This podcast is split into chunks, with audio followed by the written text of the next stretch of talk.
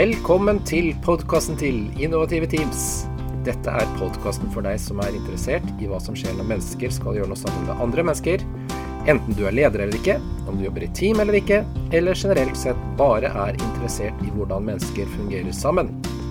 I podkasten vil vi presentere det siste fra forskning og praksis på temaer som team, endring og ledelse. Mitt navn er Frode Heldal. Jeg jobber til daglig som førsteamanuensis ved Handelshøyskolen NTNU Trondheim. Sammen med Endre Sjøvold, Hei, hei, Frode. daglig leder SPG Institutt og professor ved industriell økonomi i NTNU. Og orlogskaptein Stein Hatlen Forsdal fra Sjøkrigsskolen Hallo, Frode. skal vi presentere intervjuer med ledere, intervju med aktuelle forskere, og ikke minst presentere egen forskning på området.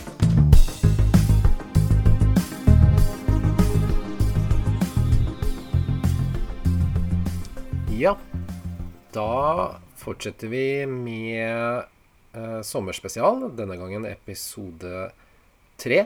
Og denne gangen skal vi snakke litt om strategi.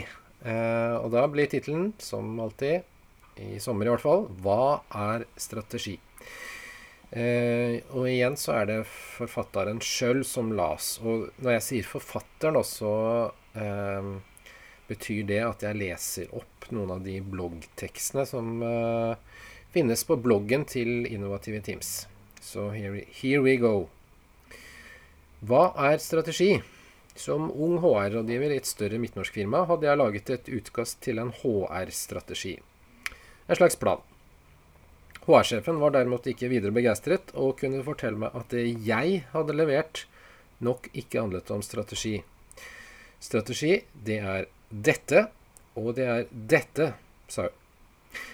Jeg tuslet slukøret tilbake på kontoret for å endre planen, slik at det kunne ligne mer på en strategi. Men hva er nå egentlig strategi?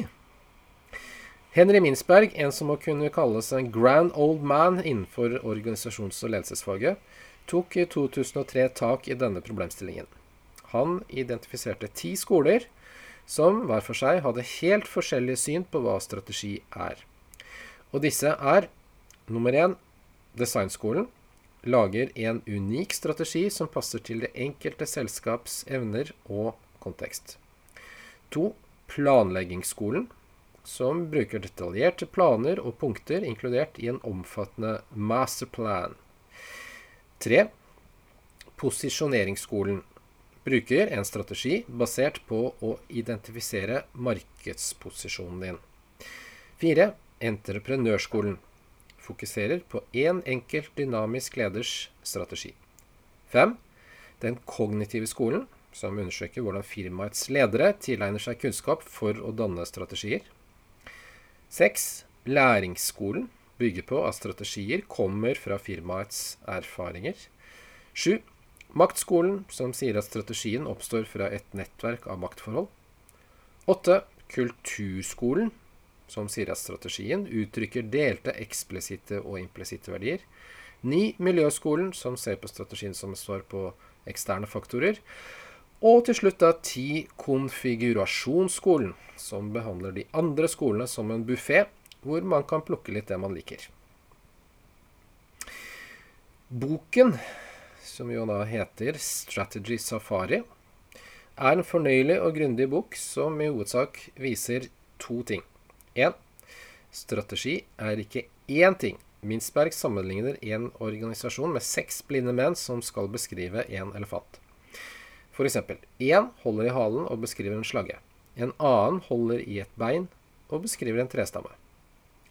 To. Strategi bør betraktes som en potpurri. potpurri. Stew, som Mintzberg sier. Med det som passer best fra hver skole. De største feilene skjer når elementer i én skole blir tatt for seriøst eller bokstavelig. Én strategi bør hensynta forskjellige tilnærminger, på samme måte som de seks blinde mennene sammen kan beskrive helheten, og ikke alene. Som helhet kan boken forstås som en kritikk til kanskje spesielt de første skolene. Følgende sitat oppsummerer litt den underliggende tonen. Vektlegging av analyse og beregning kan være en veldig sterk støtte til strategiutviklingsprosessen, men det skal ikke få lov til å bli prosessen. Strategiutvikling er en langt rikere og mer rotete og mer dynamisk prosess. Side 121. Jeg skal videre presentere de ti skolene litt grundigere. For egen del har jeg lagt til et litt overordnet perspektiv på parentes strategisk endring, nemlig den planlagte formen for endring og den framvoksende formen. Dette kan også leses som top down og bottom up. Den siste skolen har jeg plassert i kategorien 'det som funker'. Og Da begynner vi med endring som plan, eh, altså da det vi kan planlegge. Planlagt endring. Nummer én designskolen. Denne skolen analyserer selskapets evner og organisasjonens ytre miljø, ofte forstått som marked, og forsøker deretter å utforme en konkurransedyktig strategi som imøtekommer begge deler. Denne tilnærmingen, som er formulert på 1950-tallet, har holdt stand gjennom flere tiår, og de fleste handelshøyskoler underviser fortsatt i det. Tilnærmingen er i høyeste grad med oss også i dag. Kritikere mener at en formell designbasert strategi kan bli et hinder for læring og en barriere for tilpasning når markedet endrer seg. En strategi basert på en kort analyse av virkeligheten fungerer kanskje ikke i det lange løp, og ikke minst fordi virkeligheten ofte forandrer seg. Likevel, i noen tilfeller kan designskoletilnærmingen være nyttig. Det kan være effektivt under en organisasjonsendring hvor man ønsker mer stabilitet, eller man har en situasjon hvor lederen er mektig og svært velinformert om marked og organisasjon. Designmodellen har gitt oss både viktige metoder og et viktig ordforråd om strategisk ledelse, hvor strategi kan forstås nettopp som et design hvor eksterne muligheter og interne kapabiliteter matcher best mulig. Viktige elementer i designskolen. Strategiutvikling er en formell prosess. Søker å etablere en match mellom interne ressurser, evner og eksterne muligheter. Strategiutvikling er en streng og rasjonell prosess. Strategi går foran strukturen i organisasjonen. Styrke, svakheter, muligheter, trusler, også kalt da SWOT-analyse. Den tvinger frem hensyn til eksterne faktorer, parentes kanskje mer enn de interne. Prosess, sannsynligvis mest hensiktsmessig i organisasjoner som trenger en større organisasjonsendring. Og til slutt legge stor vekt på evnen til å forutsi fremtiden. For hvis strategiplanleggeren ikke kan forutsi framtidens ytre miljø, hvilken nytte har så strategien? Nummer to planleggingsskolen. Planleggingsskolens ideer, først utarbeidet på 1960-tallet, utviklet seg raskt til å bli et mektig våpen i løpet av 1970-tallet. Denne tilnærmingen bruker detaljerte sjekklister, diagrammer og spesialiserte evalueringsteknikker, f.eks. SWOT-analyse. Som sagt består en SWOT-analyse av en vurdering av styrker, svakheter, muligheter og trusler, for å gi resultater. Planleggingsskolen beveger seg dermed i designskolens perspektiver, men med enda større grad av lederorientering og tro på at framtiden kan forutses. Med denne metoden er det meningen at ledere skal velge bedriftens mål, og implementere strategiske prosesser basert på grundige analyser. Bedrifter som benyttet disse prosessene, klarte imidlertid sjelden å dra fordeler av de omstendelige analysene. De fortsatte gjerne uansett med stadig større grad av forvirring, og prøvde ofte å tilpasse virkeligheten til kartet. Planleggingsskolen fikk seg en alvorlig knekk ganske raskt på 1980-tallet. Jack Welch begynte å avvikle General Electrics enorme, innflytelsesrike strategiske ledelsesoperasjon i det øyeblikket han ble administrerende direktør.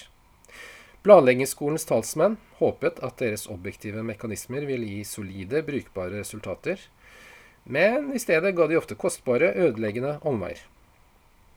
Mange av skolens såkalte kvantitative tiltak skrapte kun på overflaten. Noen firmaer brukte irrelevante beregninger, ganske enkelt fordi de var det, en, det var det eneste solide informasjonen som var tilgjengelig. Og enda verre, byråkrater for strategisk planlegging overstyrte ofte praktiske avdelingsledere som prøvde å håndtere faktiske forretningsproblemer. Problemet var, og er fortsatt en dag i dag, for det er fortsatt med oss i høy grad, at praksis ikke alltid passer med de strategiske idealene denne skolen promoterer. Viktige elementer i planleggingsskolen. Strategiutvikling er en formell prosess. Strategi kan utvikles av spesialister i strategisk planlegging.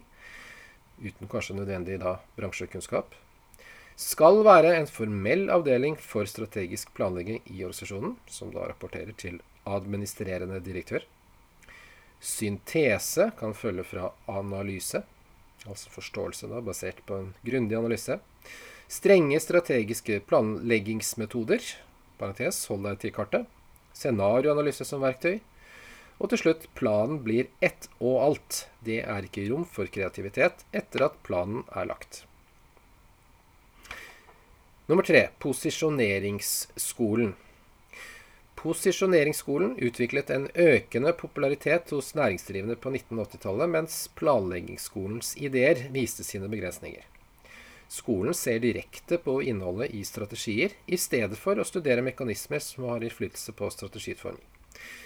De har altså langt sterkere fokus på organisasjonens eksterne muligheter begrensninger enn de to foregående skolene.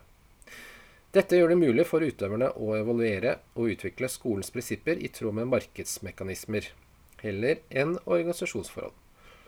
Utøvere innen posisjoneringsskolen avviser dermed tenkingen i de foregående skolene, spesielt designskolen, om at enhver strategi må tilpasses hvert enkelt selskap. De studerer resultatene av posisjoneringsstrategier for å bestemme hvilke som fungerer best i spesielle situasjoner og spesielle marked. Tilhengere fra denne skolen pleier å sitere Sun Tzu, Carl von Clausewitz og andre militære tenkere. De ser på et firma metaforisk som en hær som må organisere seg for å være effektive i kamp mot konkurrentene. Andre posisjoneringsverktøy inkluderer den berømte BCG-madrassen til Boston Consulting Group, som brukes til å bestemme om et produkt er en stjerne, et problembarn, en cash cow eller en hund. Senere omfavnet denne skolen også Michael Porters Five Forces og verdikjede som dominerende ideer om forretningsstrategi. Som vi jo vel også må si er med oss i høyeste grad fortsatt i dag. Viktige elementer i posisjoneringsskolen. Strategiutvikling er en analytisk prosess store likheter med militær planlegging, f.eks. Sun Tzu og The Art of War. Strategi er en kombinasjon av defensive og offensive trekk. Bransjestruktur, marked, bestemmer strategi, som igjen bestemmer organisasjonsstruktur. Kjente verktøy perspektiver er f.eks. da BCG-madrassen, BCG Experience Curve, måling av markedsstrategiers effekt, PIMS-analyse, Porter, verdikjede, diamantmodell og spillteori. Nummer fire entreprenørskolen. I denne skolen formulerer én enkelt leder en organisasjonsstrategi, slik at suksess henger sammen med denne personens mentale, emosjonelle og forretningsmessige kløkt, samt hans eller hennes erfaring og visdom. I stedet for å fokusere på den metaforiske elefanten, er denne skolen viet personen som rir på elefanten. Den definerer gründere som grunnleggere, eiere eller innovative ledere, inklusive dynamiske ledere i etablerte større firmaer som eies av andre. Denne skolens store ledermodell tilbyr et eh, anerkjent bidrag til kioskveltere innenfor managementlitteraturen, F.eks. biografiene om Steve Jobs, Jack Welch, eller også i nyere tid Elon Musk. Selv om akademisk forskning ikke alltid har vært like glad i Supermann- eller superkvinnemyten. I 1973 definerte forfatter Henry Minsberg fire kjennetegn ved gründeren. Superlederen som nummer én fokuserer strategi på å finne nye muligheter. To har all makt.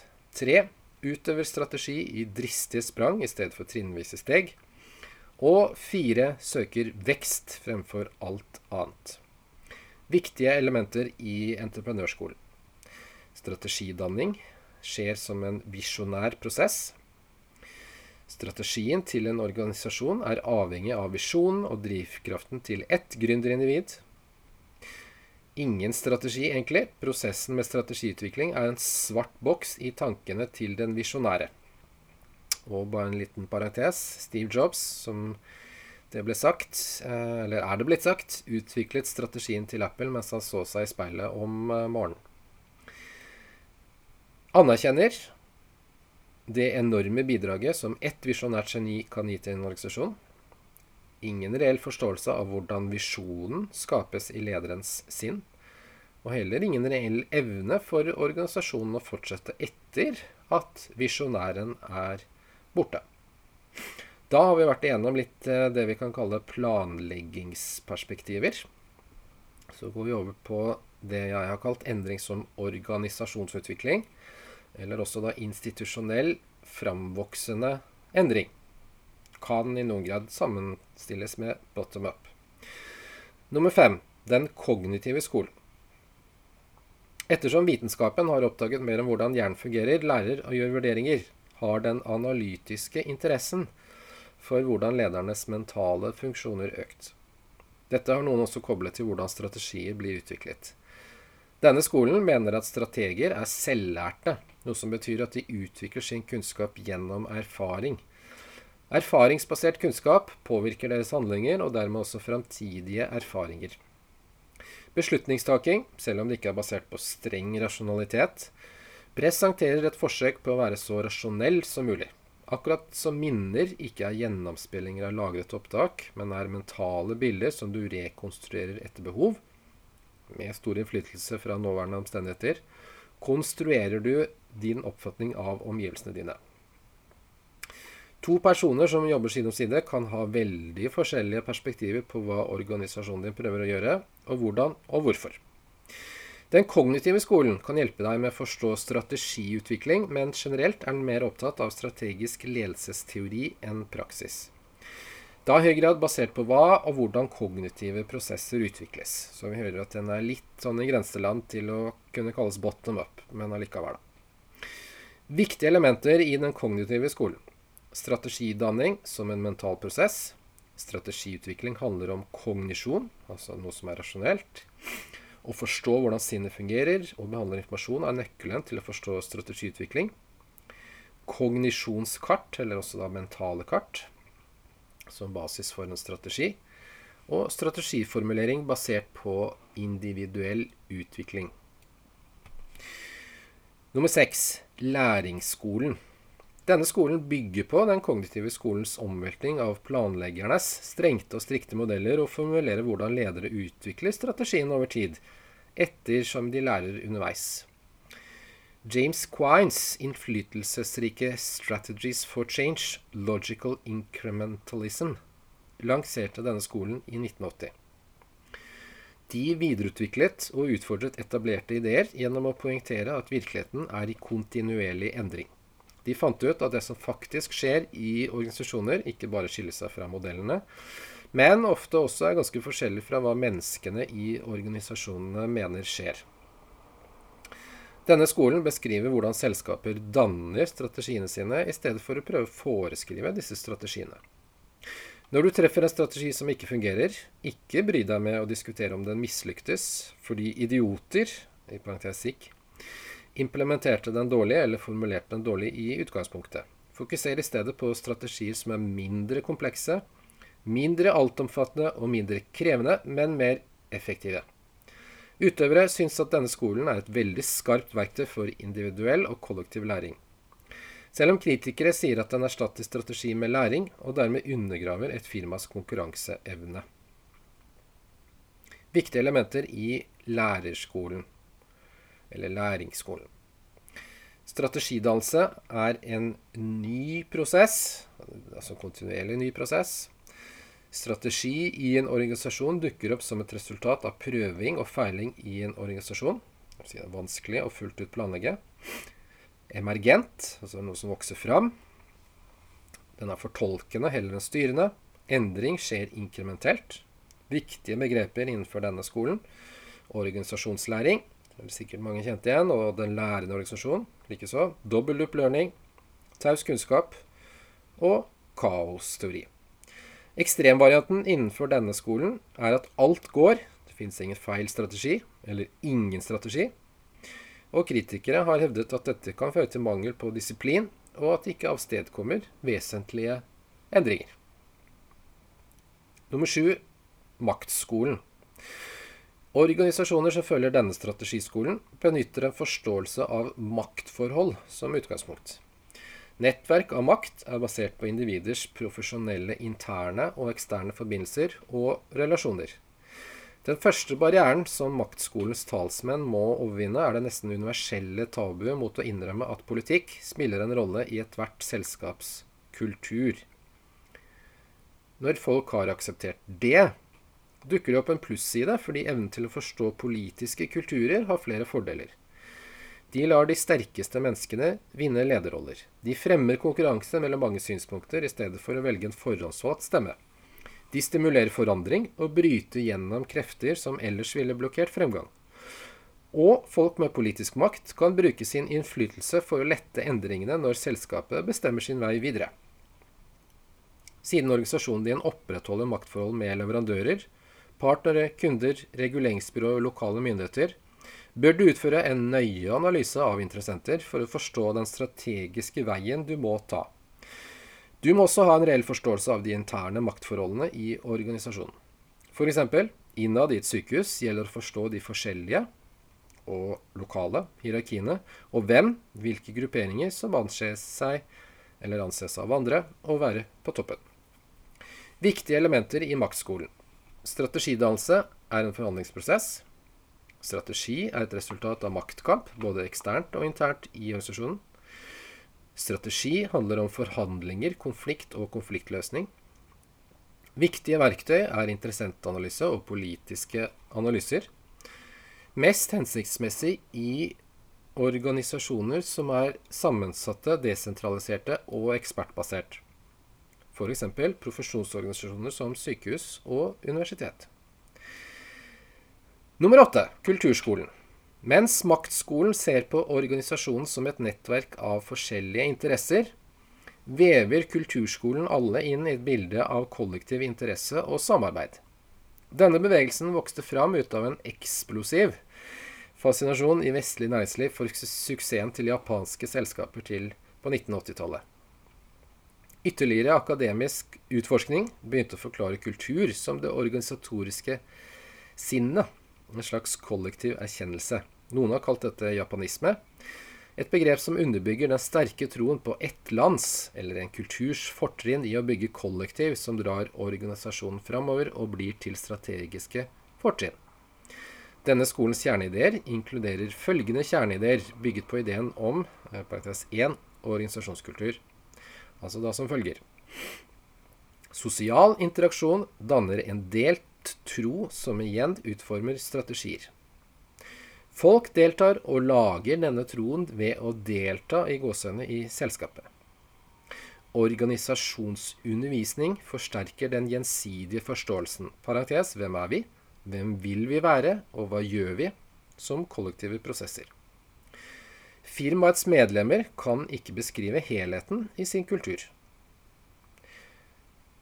Strategi gjenspeiler organisasjonskollektive intensjoner og beskytter de ressursene som blir fremhevet som konkurransedyktige.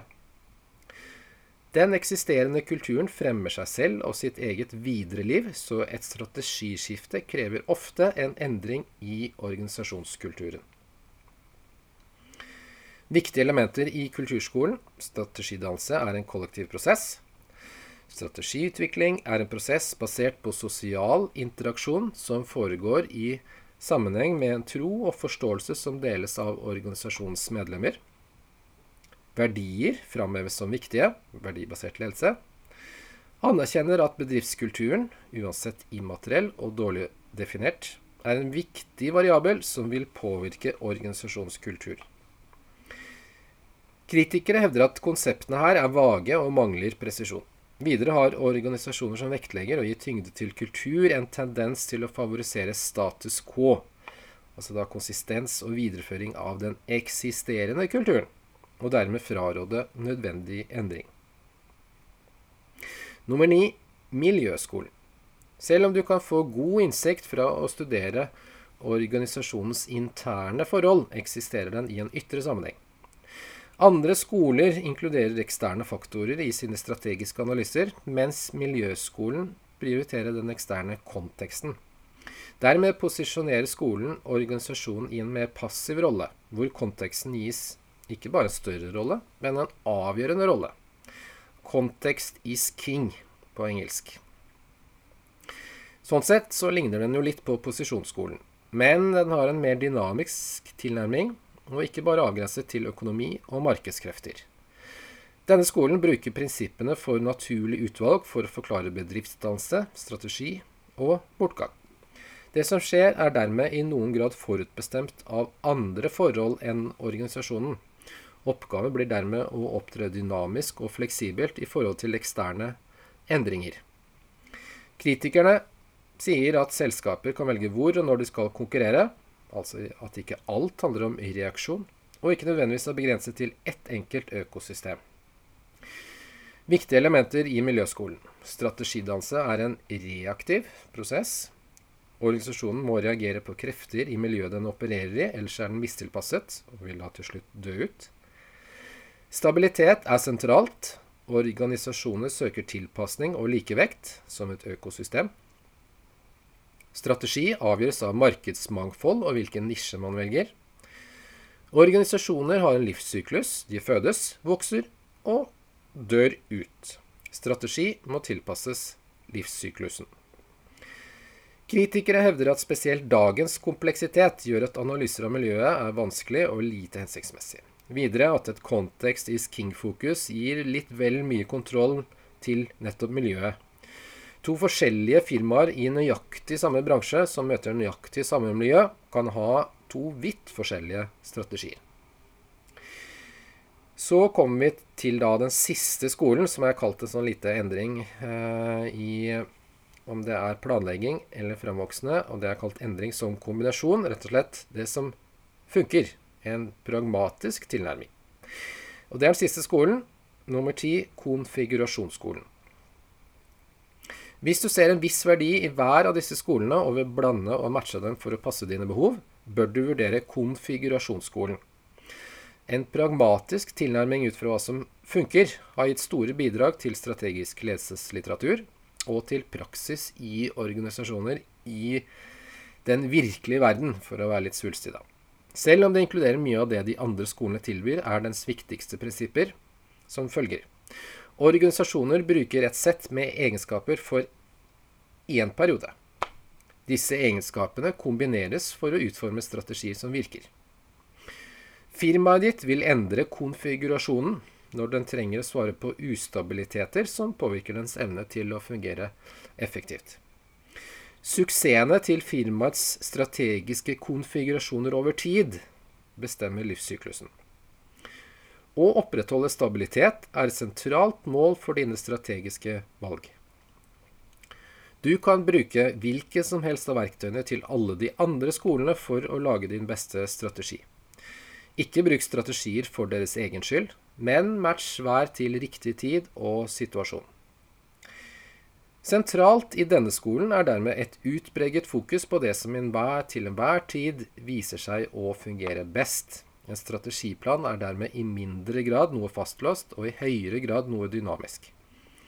Endring som strategi, for det er også en type strategi, faller inn under denne skolen. Viktige elementer i denne skolen strategidannelse er en transformasjonsprosess Strategi er en bevisst handling for å transformere en organisasjon fra én tilstand til en annen.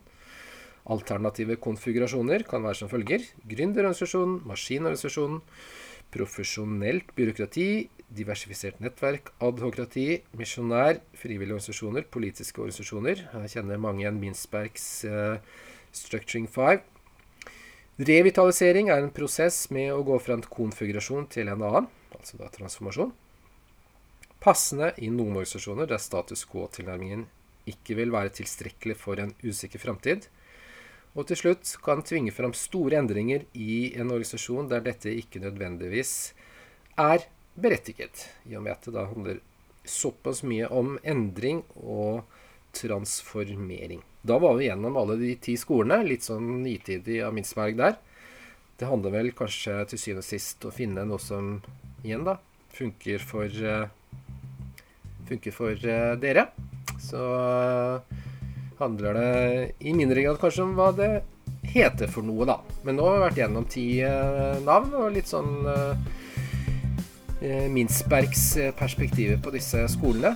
Igjen, finn noe som funker for dere og deg, og lykke til videre med din strategi.